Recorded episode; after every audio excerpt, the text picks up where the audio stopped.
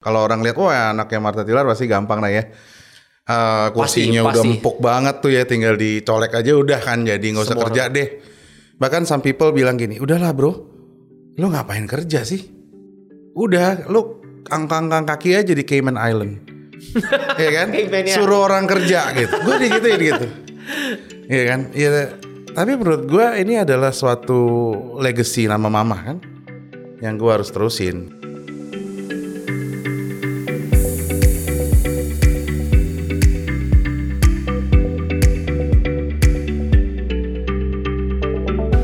Hai guys, welcome back to the Better Story Podcast. Nah, di podcast ini kita akan menguak dan membahas untold story atau cerita yang biasanya nggak diceritakan di balik pencapaian yang dicapai figur yang akan kita interview. Nah, kami sangat-sangat berharap untold story mereka bisa menginspirasi kamu to own your story and to create your own kind of better story.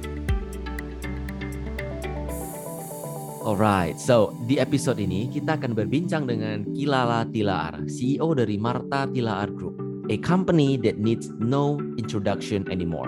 It's a big and successful group yang mulainya dari background sederhana, which because of their hard work, mereka finally can become a really really successful company. Dan gue juga baru tahu setelah have a convo dengan Bro Kilala dan do some research, Ternyata brand-brand seperti Sari Ayu, Rudy Hadi Suwarno Cosmetics, Caring Color, Dewi Sri Spa dan masih banyak brand-brand lainnya, brand-brand keren lainnya, itu juga bagian dari Marta Tilaar Group. Nah, di episode ini kita banyak sharing tentang perjalanan Kilala Tilaar dari awal meniti karirnya hingga sekarang menjadi CEO dari Marta Tilaar Group. Because to be one, to be a CEO, dia nggak simply langsung diangkat, but he had to learn and undergo tons and tons and tons of challenges, especially dari mama dia, Bu Marta Tilar sendiri, before he was finally chosen to be the CEO himself. So, without further ado, let's dive in.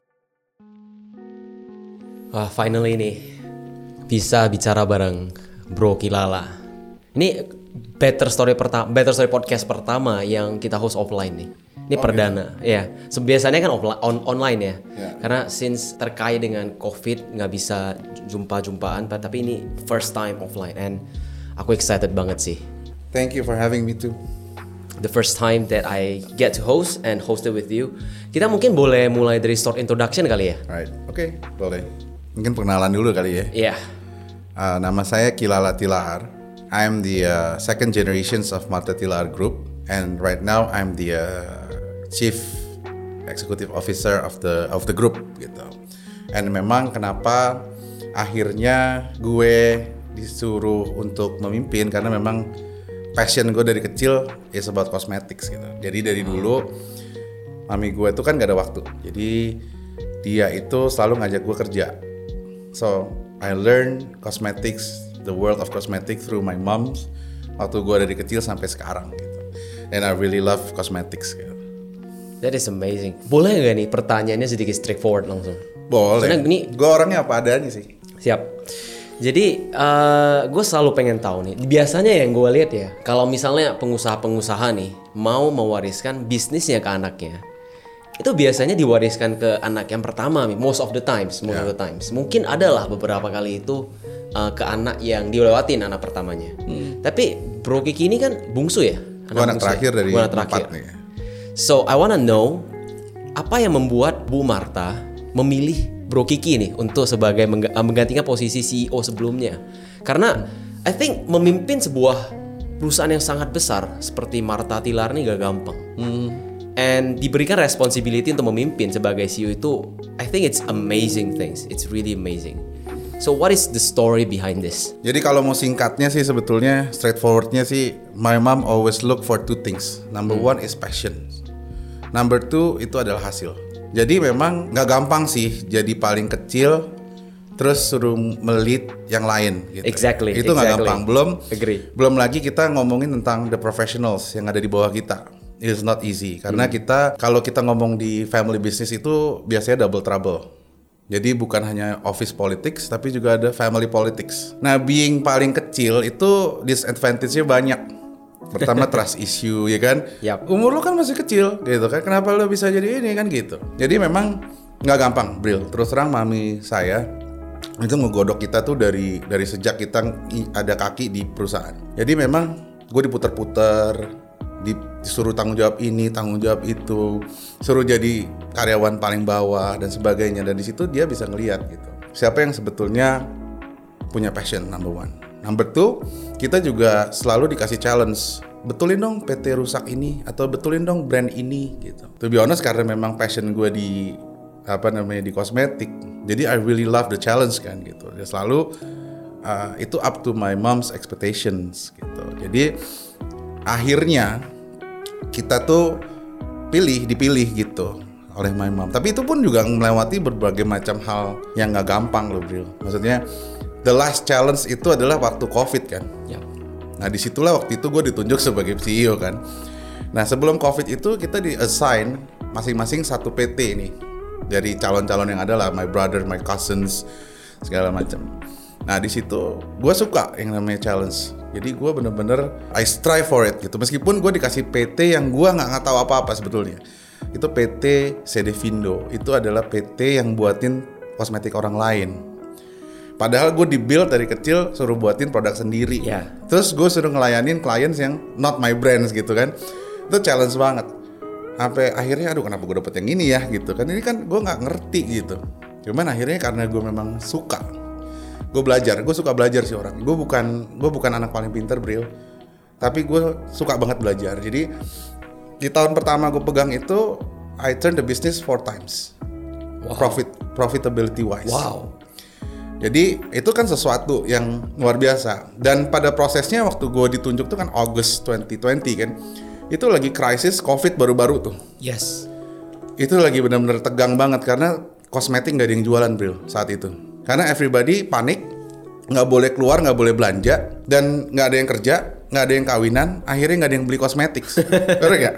Iya, relate relate. Nah di situ kecepatan cara kita turn around bisnis sih karena kita memang dari dulu saya selalu dikasih brand-brand yang problems gitu. Jadi begitu ada problems, I always see opportunities. Jadi gue ngeliat oh eh, apa kebutuhan masyarakat nih.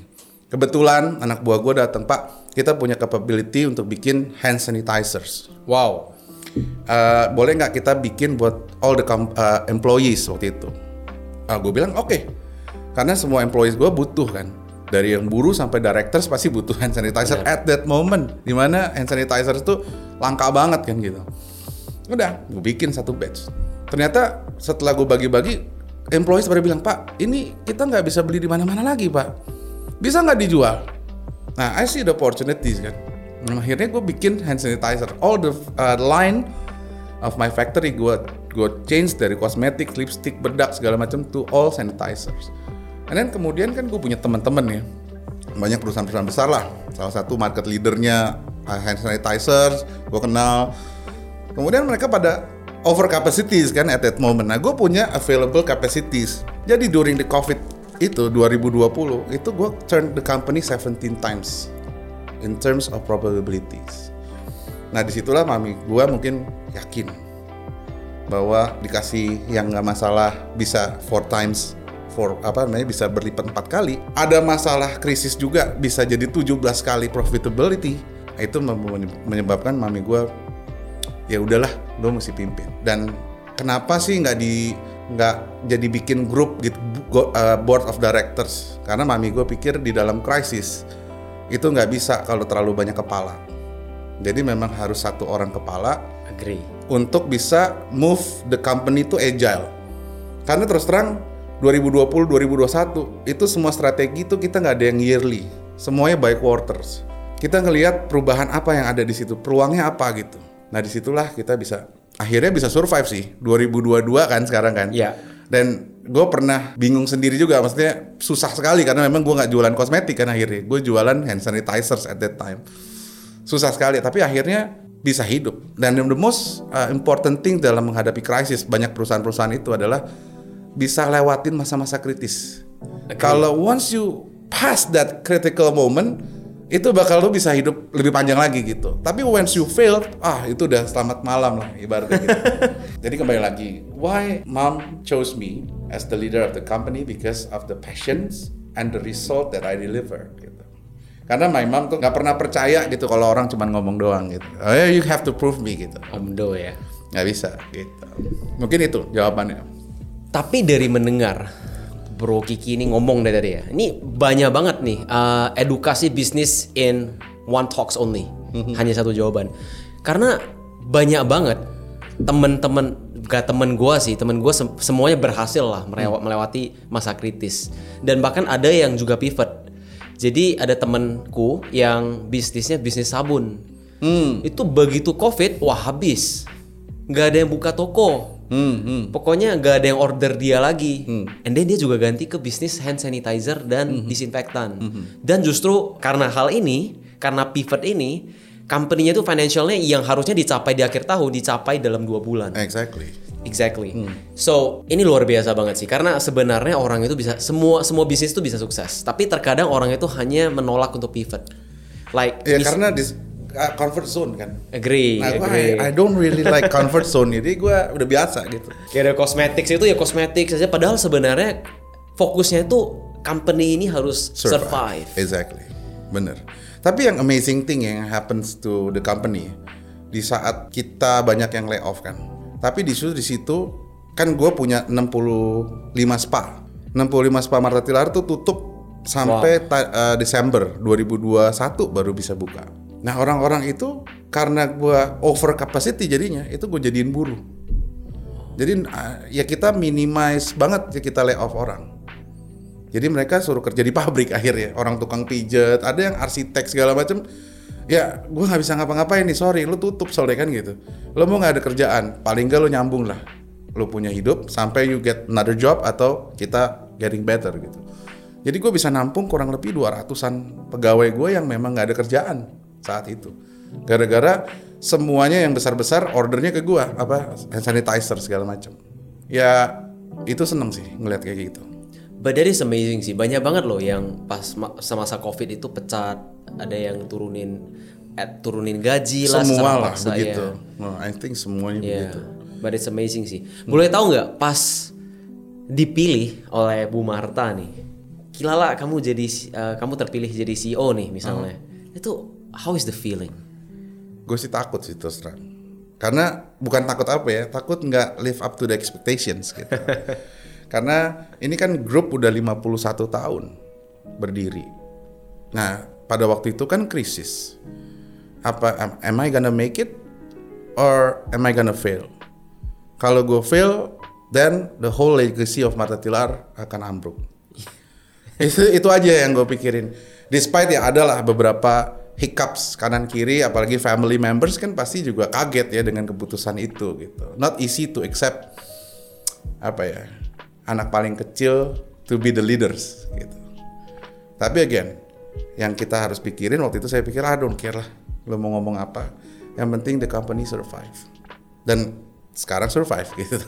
That is so amazing sih. I, I really love this kind of story. Boleh tahu nggak sebenarnya um, dari semasa Bro Kiki nih ya, dari awal tadi kan denger-denger di ada sempat kerja ya, jadi dulu kerjanya jadi apa? Pas awal banget.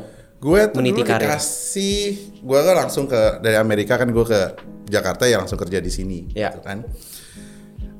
gue waktu itu dikasih apa ya? Gue masukin ke gudang, suruh jadi orang pickers. pickers itu adalah kerjaan yang cuman ngambilin barang terus packing barang. Gitu. Waktu itu gue sempet udah ya, I'm, ya kan gue merasa lulusan Amerika, ya kan. Gue pakai suit and tie ke kantor kan, tiba-tiba gue dimasukinnya ke Pickers. Pickers yang panas banget kan gudang gitu. Terus gue gila lo gue bilang, gue nih mahal-mahal sekolahin, masa sekolah segini? Udah pokoknya lo dengerin aja. Pokoknya you have to understand the business from the bottom. Ya tapi nggak bottom-bottom begini kali gitu kan. Kadang-kadang kita anak muda ya, kita punya ego Ego, itu. ya. Wah gila kan kayak, wah lulusan Amerika segala macam gitu ya. Ternyata dikasihnya ke situ. Itu happens for six months. Ya udah gue terima. Udah gitu mami gue bilang, oke lo pindah ya sekarang. Oh ke mana? Ke PT yang paling besar? ya? Oh enggak. PT yang lagi sulit baru saya bangun katanya. Suruh ngurusin spa. Wah seneng. At least general manager dong ya mam. Enggak. Suruh jadi staff bos. Gaji 4 juta. At that time. Gaji 4 juta. Waktu itu 2005. Ya gue pikir gue lulusan Amerika. Jadi gaji segitu gitu ya. Kayaknya gue nggak match banget ya. Tapi udah nggak apa-apa gue memang suka ada challenge ya udah gue lakuin. Gue lakonin satu satu dua tiga tahun dua tiga tahun lah. Akhirnya gue jadi GM di situ dan akhirnya profitable tuh bisnis setelah profitable nih udah seneng seneng dong. Udah dong ya cukup dong ya my suffering gitu kan. Oh enggak sekarang lo pindah lagi divisi. Lo marketing ya sekarang marketing gue enjoy karena memang gue background pendidikan gue marketing gitu. Gue jadi deputi marketing ada profesional di situ gue belajar. Ya akhirnya udah nih marketing. Pindah lagi ke R&D I, I know nothing about R&D loh. Karena kan gue backgroundnya marketing. Gue nangis nangis juga. Gila loh mah gue studi gue kan marketing. Kenapa gue digeser ke R&D di dapur yang orang juga nggak tahu kerjaan gue apaan gitu udahlah kamu nurut aja. Kamu you have to learn while you can dia bilang. Ya udah di situ gue pikir-pikir R&D nerd banget ya. Buat gue orang marketing R&D tuh nerds gitu. Akhirnya gue bilang oke okay, gue di sana. Ya udah gue belajar. Gue memang suka belajar jadi gue panggilin anak buah gue gue mimpin nih sekarang gue bilang. gue nggak tahu shh, bahasa beep gitu ya about R&D lo ajarin gue oke gimana caranya pak belajar ya udah setiap dua kali seminggu lo ajarin gue lo lecture gue lecture nih sehari gue kerjanya lecture doang. Tentang apa sih sulfaktan apa sih preservatif apa sih active ingredients gue nggak tahu apa-apa. Tapi gue ngantuk Bril. Disuruh belajar kimia kan berarti gue kan. Benar. pharmacist gitu. Gue ngantuk gitu. Ini apaan sih? Bacanya susah. Gue tidur loh. Sampai gue di mereka lecture lecture gue tidur main handphone gitu kan. Gue bilang gue nggak bisa I have to find another way to learn. Eh, waktu itu apa namanya nggak ada krisis ekonomi nggak ada apa-apa jadi masih oke lah. Gue bilang oke cari semua pameran di seluruh dunia. Pameran kosmetik ingredients. Cari di mana? Oh ada pak Barcelona uh, Seoul Japan. Oke kita book tiket kita berangkat. Lu ajarin gua. Gue belajarin tuh. Gue bukan jalan-jalan bro kalau orang tuh kalau di perusahaan gua ikut jalan bisnis trip sama gue tuh capek karena gue belajar orangnya. Jadi after meeting the whole day and then I recap the night and then goes to sleep and then we go another meeting the next morning gitu. Jadi nggak ada yang ha jalan-jalan ya nggak ada. Jadi gue bawa dua staff gue yang gue percaya. Gue belajarin satu booth ke satu booth ke satu booth. Sehari gue bisa sampai target 16 booth. I have to learn about apa sih uh, active ingredients. Apa bedanya sama chemical ingredients? Apa bedanya sama uh, sulfaktan yang ini atau emulsi yang ini kenapa bagus yang ini? Staff gue kan being orang R&D itu their world kan. Dia bosen kan. Pak masa setiap booth kita mesti datengin ya harus karena gue cita-citanya gue belajar. Sambil gue belajar gue kenalan sama banyak orang. Gue cerita tentang perusahaan Marta Tilar dan di dunia kan udah ngerti. Marta Tilar is one of the biggest in Yes, Indonesia. yes. and they're very uh, apa namanya uh, proud of my mom sih. Karena memang karya-karyanya tuh mendunia kalau uh, ibu gue jadi akhirnya oh you are the head of R&D ya? Oh ya I'm the head of innovation. Gue nggak mau pakai lagi R&D karena waktu itu kayaknya seksian innovation ya gitu Iya, kan. iya, iya. akhirnya lucu deh mulai itu gue disuruh ngomong mengenai active ingredient Indonesia. Dari satu exhibition kecil jadi yang sedang jadi yang Wow. dunia. Dan yang terakhir gue disuruh jadi juri innovation di seluruh apa namanya cosmetic exhibition di dunia. Cosmoprof in Cosmetics itu gue bener-bener yang nggak nggak habis pikir gitu bahwa gue seorang yang nggak punya background tapi karena gue bisa mungkin membahasakannya bahasa yang rumit itu menjadi bahasa marketing jadi gampang to digest. Makanya gue disuruh untuk lecture ke seluruh dunia. Sampai yang paling besar itu di Shanghai itu 3.700 orang gue lecture tentang active biodiversity of Indonesia. Apa yang Indonesia punya yang bisa dijadiin kosmetik nah di situ. Nah mama gue udah mungkin udah ngeliat di situ wah anak gue kok bisa ya? Dari nggak punya background tapi dia sekarang dikenal sebagai innovators cosmetics of Indonesia gitu. Nah di situ. Nah mulai dari situ ya sudah. Mulai diliriklah si anak paling kecil ini kan gitu. It's crazy. Ini ini, ini tak terjadi dalam berapa tahun? Eh, ya R&D dalam waktu 2 tahun gue udah bisa global innovators That's crazy man. Terus sebelumnya itu 2-3 tahun. Berarti ini semua cerita tadi ini terjadi dalam 6-7 tahun. ya more or less 10 tahun gitu No wonder sih. Tapi keren sih. I always imagine, um, believe it or not, I always imagine kalau ntar gue punya anak, mungkin salah satu dari anak gue juga kayak Pak Kilala nih, kayak Bro Kilala, bakalan gua suruh mimpin ini, mimpin ini, belajar di sini, belajar di sini, dan yang lewat dan tahan banting, ini yang bakal gua suruh gantiin posisi gua. But it is so amazing sih how you can do it. I mean, aku mungkin punya background yang that that go through hell deh, but yours is keren banget sih. Kan sebetulnya kalau gue kan ibaratnya lahir udah silver spoon lah. Yap. My mom udah jadi gitu waktu gue lahir kan.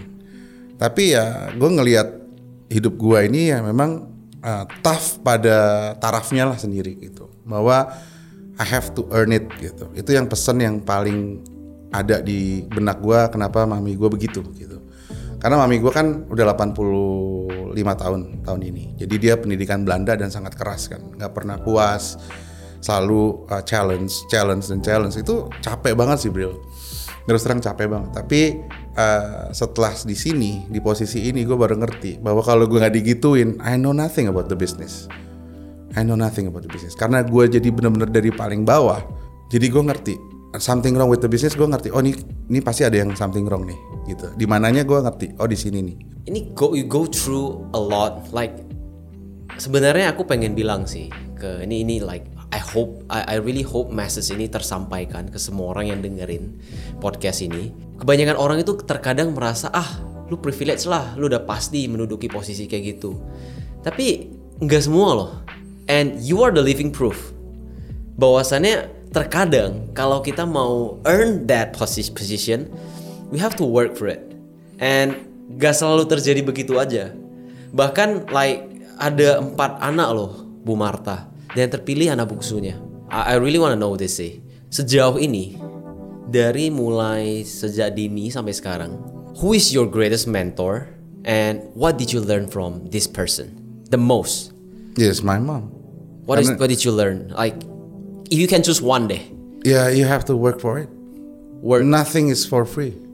Karena my mom selalu, karena gue paling kecil ya, gue deket banget sama mama gue. Jadi dia selalu ngomong, aku bisa begini, itu karena nangis, darah dan sebagainya, capek kerja gue capek dan gue mengorbankan kadang-kadang kalian anak-anak. Tapi kalau gue nggak kayak gini, nggak bisa. Lu nggak bakal bisa dapet sekolah paling bagus. Lu nggak bisa posisi lo sekarang gitu. Jadi memang kalau mami saya bener harus work hard, very hard gitu. Yang kedua adalah kamu nggak usah pinter kok. Cuman kamu harus bisa berteman sama orang yang lebih pinter dari kamu. Oh, Being what? Being your anak buah, being your friends, apa pun network atau apa. Lingkupi diri kamu dengan orang-orang yang paling lebih pintar dari kamu. Dari situ you can do anything dia bilang gitu. Karena mami gua dia bilang dia nggak orang pintar, dia apa ya IQ-nya pas-pasan lah mami gua.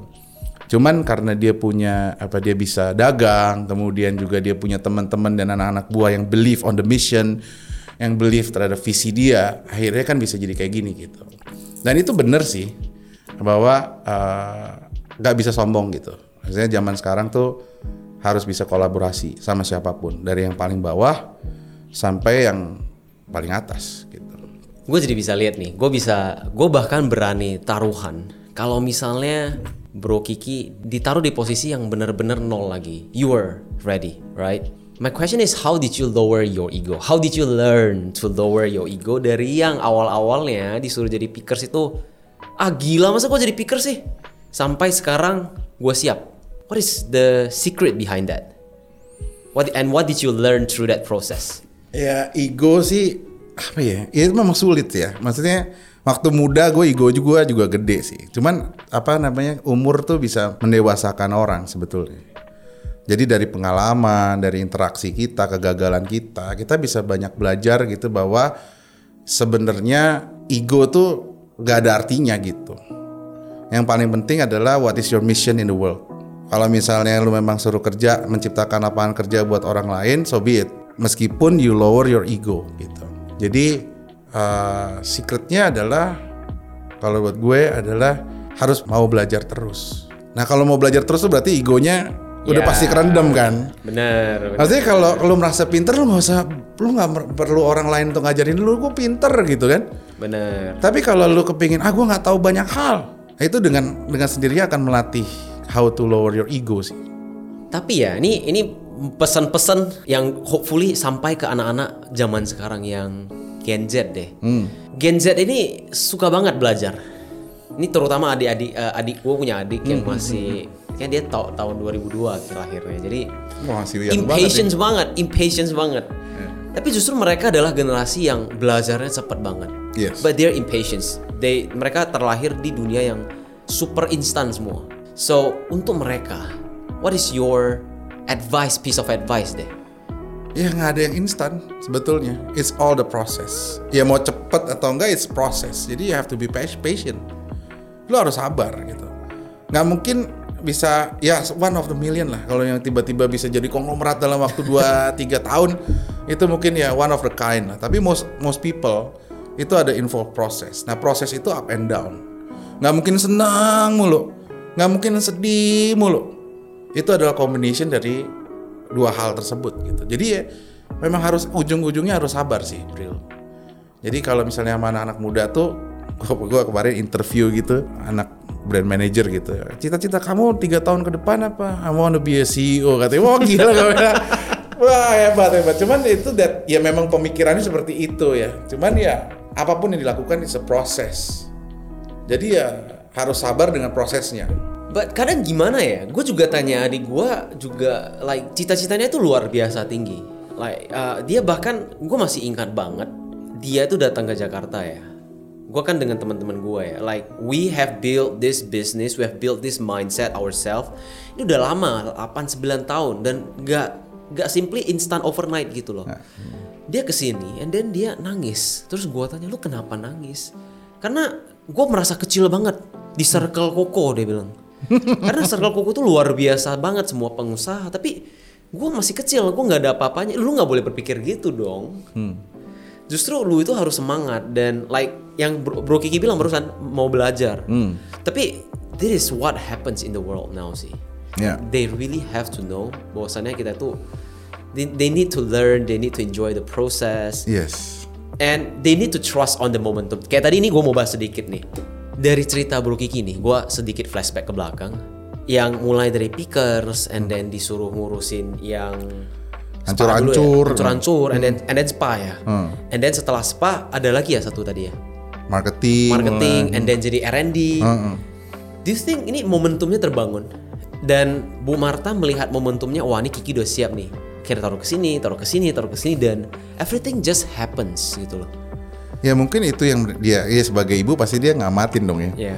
Ini tracknya ke mana gitu kan? Apa mampu nggak gitu untuk bisa bring on the legacy for the next 50 years kan gitu? Ya kembali lagi mami gue selalu lihat hasil.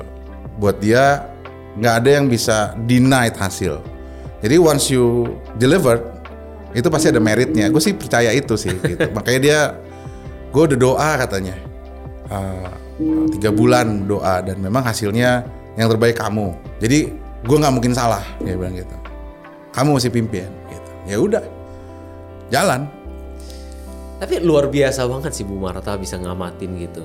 Like she's running the company, she's building the people, building the company, raising the child, dan bisa sambil ngamatin mana suksesornya nih.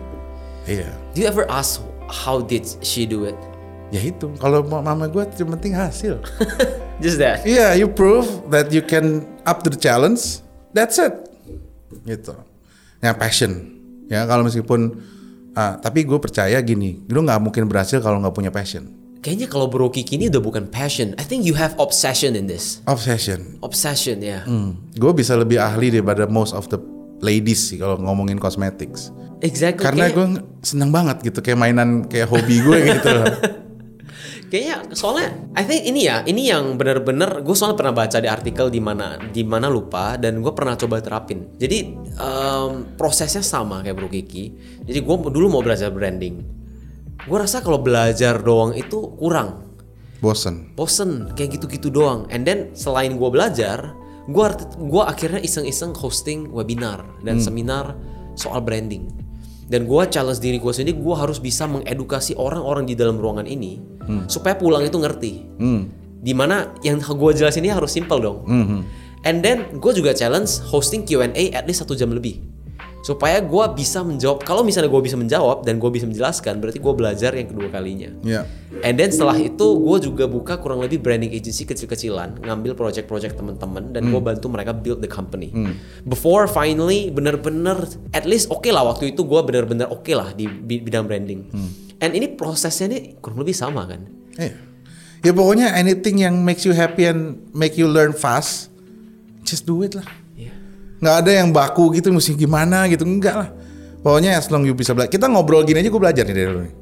Kan? gue gue yang belajar dari tadi gue bener-bener terinspirasi. You know the amazing things and the things I like about um, setiap menginterview great minds, amazing minds, amazing people is setiap setelah ngomong gue tuh semangat banget. Like I wanna do things. Gue ada sekali interview gue lupa siapa sih jam. Oh gue gue sering hosting um, Instagram live dulu di House of Leaders.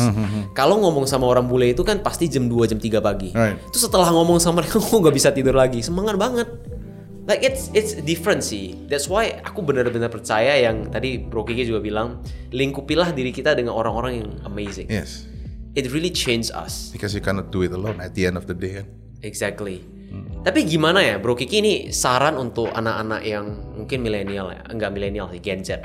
Karena banyak banget kasus seperti adik saya yang mereka tuh merasa gue kecil banget kalau gua berada kayak di mereka tuh merasa ikan teri di dikelilingi oleh para ikan para ikan paus sehingga mereka terintimidasi dan mereka mau keluar dari kolam itu. So, Bro Kiki udah punya anak. Udah. Udah. What is your advice to your kid kalau misalnya dia tanya gini, Pak gimana sih em, punya perasaan itu nggak nggak bisa terintimidasi? Maksudnya kita jadi pengen belajar, gak, gak gampang loh, bener gak gampang loh ego itu loh. Ya gimana ya?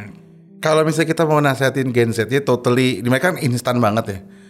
Tapi kalau misal instan sukses juga, itu nggak punya akar kayaknya ya. Jadi kalau misalnya pohon tiba-tiba gede kan akarnya kita nggak bisa tahu ya, bisa Tumbang. tumbangnya cepet gitu. Benar. Jadi kalau saya bilang ya tadi proses itu harus dihayati dan dipelajari. Kegagalan kita di tengah-tengah proses itu jangan diulangi gitu. Tapi justru kita improve ourselves. Nah dengan begitu ya bisnisnya bisa lebih sustainable. Mungkin nggak akan langsung jadi crazy rich sih. Cuman bisa sustain the business for longer time gitu. Yang penting kan sustainability ya. Maksudnya bisnis itu harus sustain 50 tahun gitu. Jangan habis bisnis 3 tahun kaya raya habis itu hilang gitu. Banyak loh yang kayak gitu sekarang. Gitu. Jadi kembali lagi dalam proses itu dinikmatin aja. Gimana kita belajar new things, gimana kita bisa solve the problems, kegagalan kita, apa yang mesti kita improve. Dan situ jadi akarnya kuat menurut gue ya. Pondasinya dibangun dulu ya. Hmm, jangan tergoda dengan yang cepet-cepet kaya lah ya. Kalau mau cepet kaya mah ke Gunung Kawi aja kali ya. Kita pakai pesugihan, tuyul sama ini kayak cepet kaya kali ya. Cuman kalau ya itu proses karena bisnis coba lu tanya deh konglomerat-konglomerat lain. It's about the process loh. Du- dulu gua nggak ngerti sih jujur ketika orang tua gua bilang bisnis itu gak bangga gampang bangunnya itu butuh proses kita harus sabar kita harus em, jujur kita nggak boleh bohongin orang Yes, itu dan bener. ya kita nggak boleh ngambil jalur singkat lah misalnya eh, like menghindari apa yang harusnya kita bayar kalau memang apa ya kita harus bener-bener ngebantu orang lain Yes. visi kita itu harus honorable nggak boleh simply visi kita itu ya mungkin boleh besar tapi jangan terlalu besar achievable reality bisa di bisa di achieve bisa di achieve dan kalau bisa itu misinya itu at least you have a mission ada elemen untuk mengubah the world Iya, iya. So dulunya gue nggak ngerti kenapa harus kayak gitu. Tapi lately setelah ketemu orang kayak Bro Kiki, I think I learn more and I believe more in it sih. Ya menurut gue sih kalau kita udah bisa menciptakan lapangan kerja buat orang lain, ya itu kan berarti kita udah berdampak kan. Ya, Nah, teman kita sebagai manusia kita punya tanggung jawab menurut saya, bukan hanya untuk perusahaan, untuk diri sendiri juga, untuk keluarga karyawan dan juga extend sampai ke komunitas terdekat misalnya sampai the whole nation sih. Nah, gue sekarang nih lagi gerakin semua grup ini karena gue di bidang kosmetik, gue banyak ambil bahan alam kan. Nah, gue sangat apa ya, gue sangat sedih negara kita tuh kaya banget dari segi biodiversitasnya. Tetapi kenapa sih buat kosmetik sama obat aja 95% tuh imported products? Jahe yang lo makan atau jahe yang lo minum untuk obat-obatan itu imported dari Vietnam. Why? Nah itu gue kepingin buat suatu gerakan sih. Nah memang gue udah mulai dengan 1.600 petani gue. Adalah bagaimana kita bisa involve scientists untuk research on the activities of the ingredients. Kemudian gue involve government untuk pembibitan dan sebagainya dan lahan. Dan juga komunitas petani. Karena menurut gue negara agraris kita ini kok petaninya miskin-miskin nggak bisa kayak misalnya negara-negara Eropa yang petaninya kaya-kaya jadi gue kepingin ini ngebuat apa impact bisnis gue tuh untuk bisa ngerubah Indonesia menjadi negara-negara yang maju betulnya gue kepingin banget sih itu. Nah gue udah lagi lakuin nih. Gue sekarang ekspor udah ke 200 negara active ingredients untuk kosmetik global. Dari petani-petani Amazing. itu. Amazing. seneng loh. Maksudnya petaninya bisa sekolahin anaknya universitas. Itu seneng banget gue. I can say I'm so proud to have a leader like you in Indonesia. tapi gue setuju sama lo. Maksudnya we have to have an impact on the society in which we are live in gitu kan? Karena at the end of the day kan bukan hanya lo doang Hmm. ada orang-orang stakeholders di sana yang support you and you have to support them juga kan gitu Benar sih. Having an a positive impact di dunia ini luar penting banget, terutama Indonesia sih. That's why gue dari dulu mulai House of Leaders. iya iya Ya ada lah uh, warga Indonesia lah di dalam, tapi cuma 4%. And then I think why I'm not serving my own country? Kenapa gue serving luar negeri ya gitu ya? Iya. Well, at one point oke sih, maksudnya gue pengen serving people, but gue jadi lupa Indonesia. That's why lately bisnis yang aku buat like Better Story, everything is for Indonesians. And aku yakin banget dan aku percaya bukan hanya aku yang harus kayak gitu, bahkan anak-anak muda sekarang juga harus kayak gitu. Tapi gitu, Bril. Maksud gue, kita ini kan negara yang surplus demografik within the next five years. Kalau nggak ada leader-leader kayak lo yang bisa tell the better story atau kasih tips kanan kiri, menurut gue kita mau jadi apa ya? Kalau misalnya nggak ada yang inspiring gitu, yang cuman maunya instan-instan, nggak bisa contributing to the society, itu mau jadi apa leader-leader kita? Iya. Gitu loh. Kita akan jadi apa namanya eh, negara muda yang banyak anak mudanya cuman kopong gitu, nggak ada isinya. Bener, bener. Jadi keep on doing it aja bro. Yang ini mah bagus. Siap.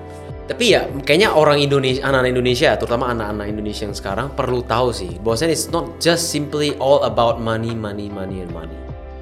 Memang banyak sih, maksudnya di luaran sana mereka suka comparing diri mereka. Tapi sendiri. susah. Lo lihat sosial media sekarang. It's all about apa sih pamer-pamer aja kan gitu. Ya, flex Susah loh. culture semua ya. Iya lo susah loh. Maksudnya lihat anak-anak sekarang liatin kalau nggak punya Ferrari kayaknya nggak kaya kan gitu. Iya. Padahal punya mobil aja udah bagus kan gitu. Benar, benar. Fungsinya untuk transportasi. Iya fungsinya Tujuannya- aja gitu. Tujuannya untuk mengangkut kita itu dari A ke B. Nah makanya gue gue senang waktu lo undang gue suruh ke sini kita ngobrol-ngobrol masalah better story tentang story-story tentang ya nyata lah ya. Ini ini luar biasa gitu menurut gue. Ya gue mau gitu. Tapi gue dari tadi berusaha menggali Bro Kilala nih ya. Hmm. Nggak kegali. Ada nggak satu Apa story yang maksudnya gue merasa kayaknya Bro Kilala nih full of value. You Hmm. are full of value. You you uh, you know a lot. You go through a lot. You learn a lot.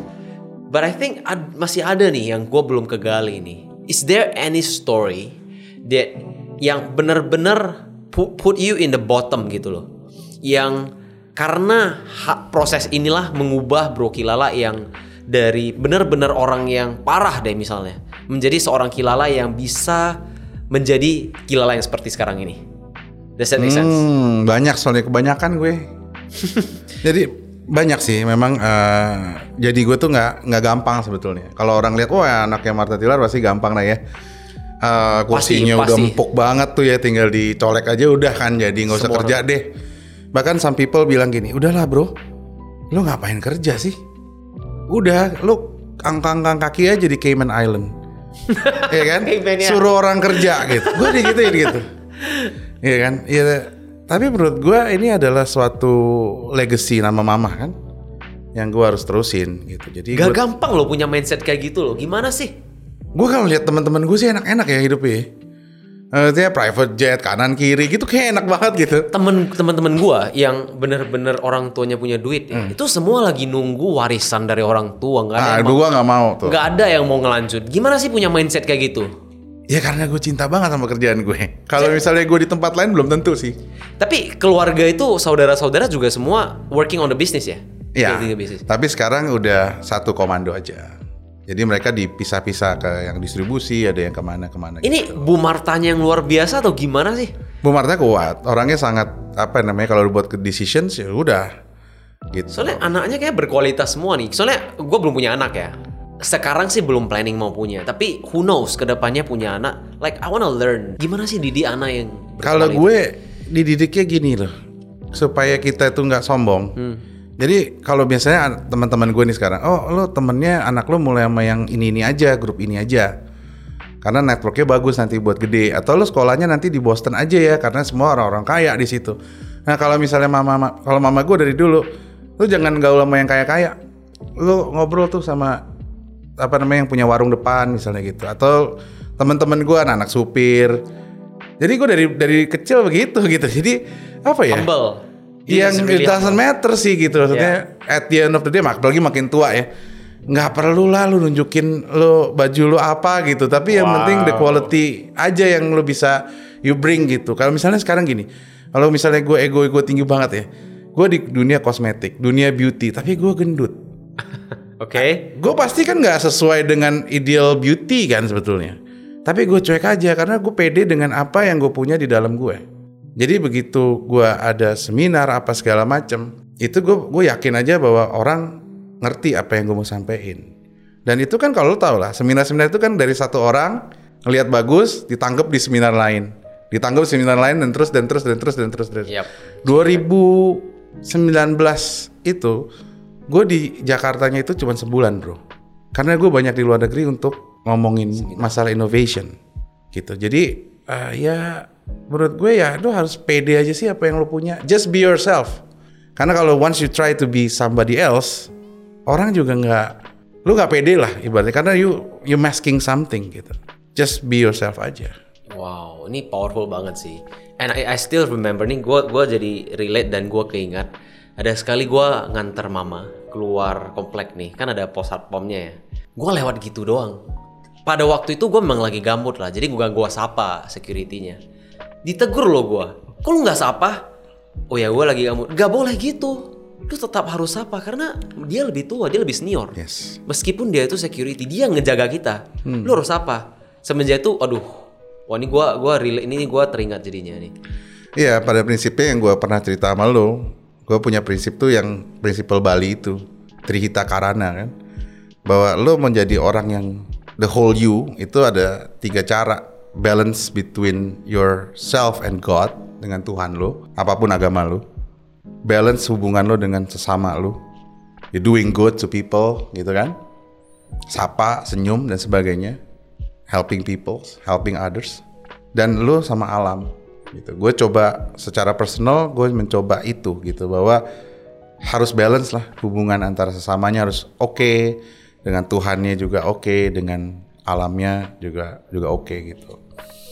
Jadi ya itu semua dirangkum di situ. Dan kemudian gue juga punya yang mami gue selalu pesen tuh kalau bisnis, Bril. Apa pun posisinya ya, mau jadi karyawan kek, mau jadi bos kek, mau jadi apa aja. Itu harus jitu katanya. Jitu pakai ejaan lama. Yang pertama disiplin. Lo mau jadi karyawan, mau jadi bos, lo harus jadi contoh yang baik, disiplin. Yang kedua itu adalah jujur. Karena kalau di kalau di bisnis yang tadi lo bilang di awal, lo nggak jujur di bisnis, lo nggak akan dapat ke mana-mana gitu. Benar. Karena nggak ada trust sama lo gitu kan. Terus kemudian lo harus iman yang kuat. I kan G, D, J, I. Iman sama inovatif. Jadi jangan hubungan lo sama Tuhan harus bagus, tetapi juga lo harus inovatif. Kalau lo udah di comfort zone, udah selamat malam lah. Ibaratnya bisnis not gonna grow dan lo mati gitu kan. Nah kemudian T, T itu tekun.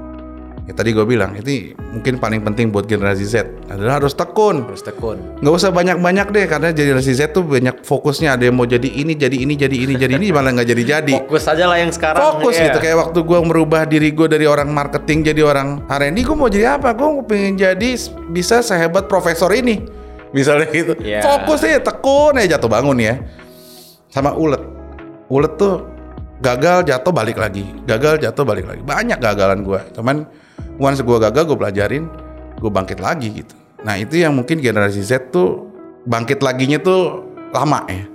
Kadang-kadang mereka udah wah gue tekun nih ya. Gue kerja keras terus tiba-tiba bisnisnya gagal. Karena bisnis kan 50-50 chance Yes, ya. yes. gagal habis itu udah nggak mau bangun lagi. Wah nggak ada gue nggak bisa nih begitu. Ah lebay kan gitu. Iya. Nah mungkin itu yang mungkin tadi kan lu cari apa sih yang lu nasehatin generasi Z? Ya tekun sama ulet lu mesti tekun sama ulet kalau gak nggak bisa bisnisnya.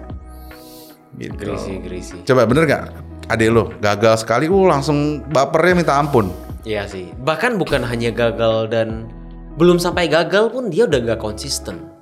Nah, Karena mereka itu kan maunya instan ya. uh, many many itu loh kayak metaverse gitu punya banyak multiverse gitu loh dia punya banyak cabang dalam pikiran dia yang maunya cepet-cepet Iya. kan gitu. Bahkan awal-awal memulai sesuatu aja udah kayaknya gak semua ya. Aku nggak mau bilang generasi Z tuh semuanya kayak gitu. Tapi most of them begitu memulai sesuatu itu udah mikir gimana kita bisa profitable cepat. Gimana kita bisa exit cepat. Ya lu belum mulai aja udah mikir exit. But it is okay. But you have to do it gitu Benar. kan gitu loh. Effortnya yang lu put itu harus sebesar keinginan lu untuk mengachieve sesuatu kan gitu. Bener, bener. Bahkan harus lebih besar. Dan when you do it, fokus on the process, jangan fokus on the end goal doang. Iya. Karena kebanyakan dari mereka itu ya You have to know your end goal, but you focus on the process. menurut benar, ya kan? iya. Hmm. Karena kalau nggak ada goal, ya kita Ya, bingung juga kan, Ya, gitu. kayak misalnya nih kita main sepak bola, kita tahu mau cetak gol ke mana. Tapi kalau misalnya nggak fokus on the game, mau ngoper ke siapa? Kalau ada orang yang mau datang ngambil bola gimana? Betul. Ya kan? Kalau misalnya ada kesempatan untuk cetak gol, kita nggak ambil gimana? So we have to focus on the game. Tapi ya end goalnya kita tahu. Itu cara-cara gue ngedidik anak-anak brand manager gue yang Gen Z nih, yang 20 tahun, 22 tahun. Gue cuman bilang, tapi kalau mereka selalu di macro micro manage, mereka akan gila. Iya, agree. ya kan? Oleh karena itu gue cuman bilang gini, gue panggil, lu punya challenge naikin sales seribu kali. Seribu kali pak, iya satu produk aja ya di online. Gue bilang. Ini Wow. gue kasih duit lo masing-masing, ya kan? You do it yourself, you learn. Gue ke pagi-pagi jam 4 pagi gue udah bangun, gue kasih mereka tiktokers, tips-tips apa gue gue gue kasih mereka, gue kasih target dan most of them achieve loh.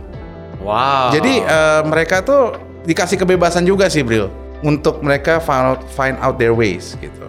Once dia tahu goalnya gimana, prosesnya kita ajar-ajarin gimana caranya dan di do it, itu bisa gitu. Gue sekarang kan gue nggak mau, gue bilang sama HRD gue, gue nggak mau ya di atas 40 gue nggak mau. Gue bilang, lo rekrut below 35 for upper management, untuk yang middle management lo below 25. Jadi supaya eh, dinami- dinamis nih perusahaan gue, karena memang dunianya berbeda. Zaman gue, gue kan milenial awal ya, 8 tahun 80 ya. Sama yang Z tuh udah beda banget. 20 tahun. Gue kayak merasa jadi tua banget gitu. gitu. Jadi ya itu yang kita lakukan. Amazing talk sih. Sebelum kita close nih, ada nggak piece of advice? Let's put it like this. Kalau misalnya Bro Kiki udah last seminar, punya lima menit terakhir nih, jangan lima menit deh, tiga menit terakhir untuk menyampaikan sesuatu pesan yang setelah disampaikan udahan pensiun misalnya. Pesan apa yang mau oh disampaikan? gila itu mah sakti banget tuh pesan 5 menit. Aduh, apa ya? Kalau buat gue sih kalau mau sukses tuh cari apa yang lo senang.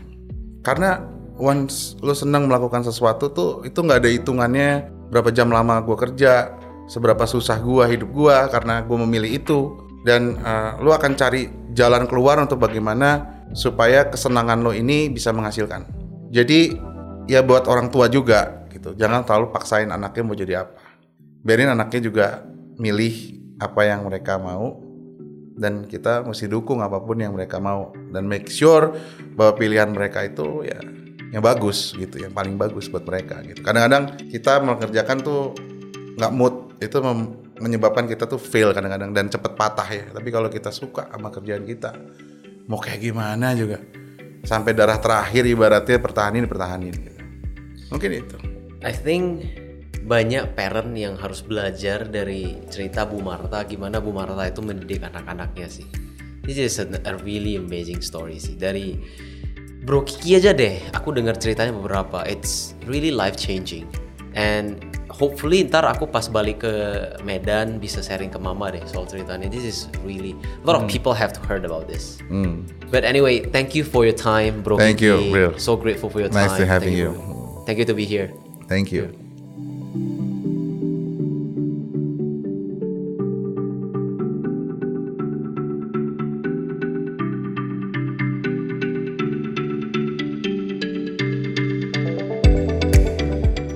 Hey guys, I just want to say thank you so much for staying tuned with us in this podcast as always. It really, really means a lot to us. By the way, kalau kalian mau reach out to Kilala Tilar, who knows, maybe you guys have some question to us, please reach him out through Instagramnya Bro Kilala at Kilala Tilar. No dots, no underscore, gabung semua at Kilala Tilar. And as always, kalau kamu belum, jangan lupa untuk follow podcast kita, subscribe, dan juga review. Terutama review guys, karena itu akan sangat membantu kita untuk improve. Anyway, thank you once again. We love you all. Big love, stay tuned, and see you in the next episode.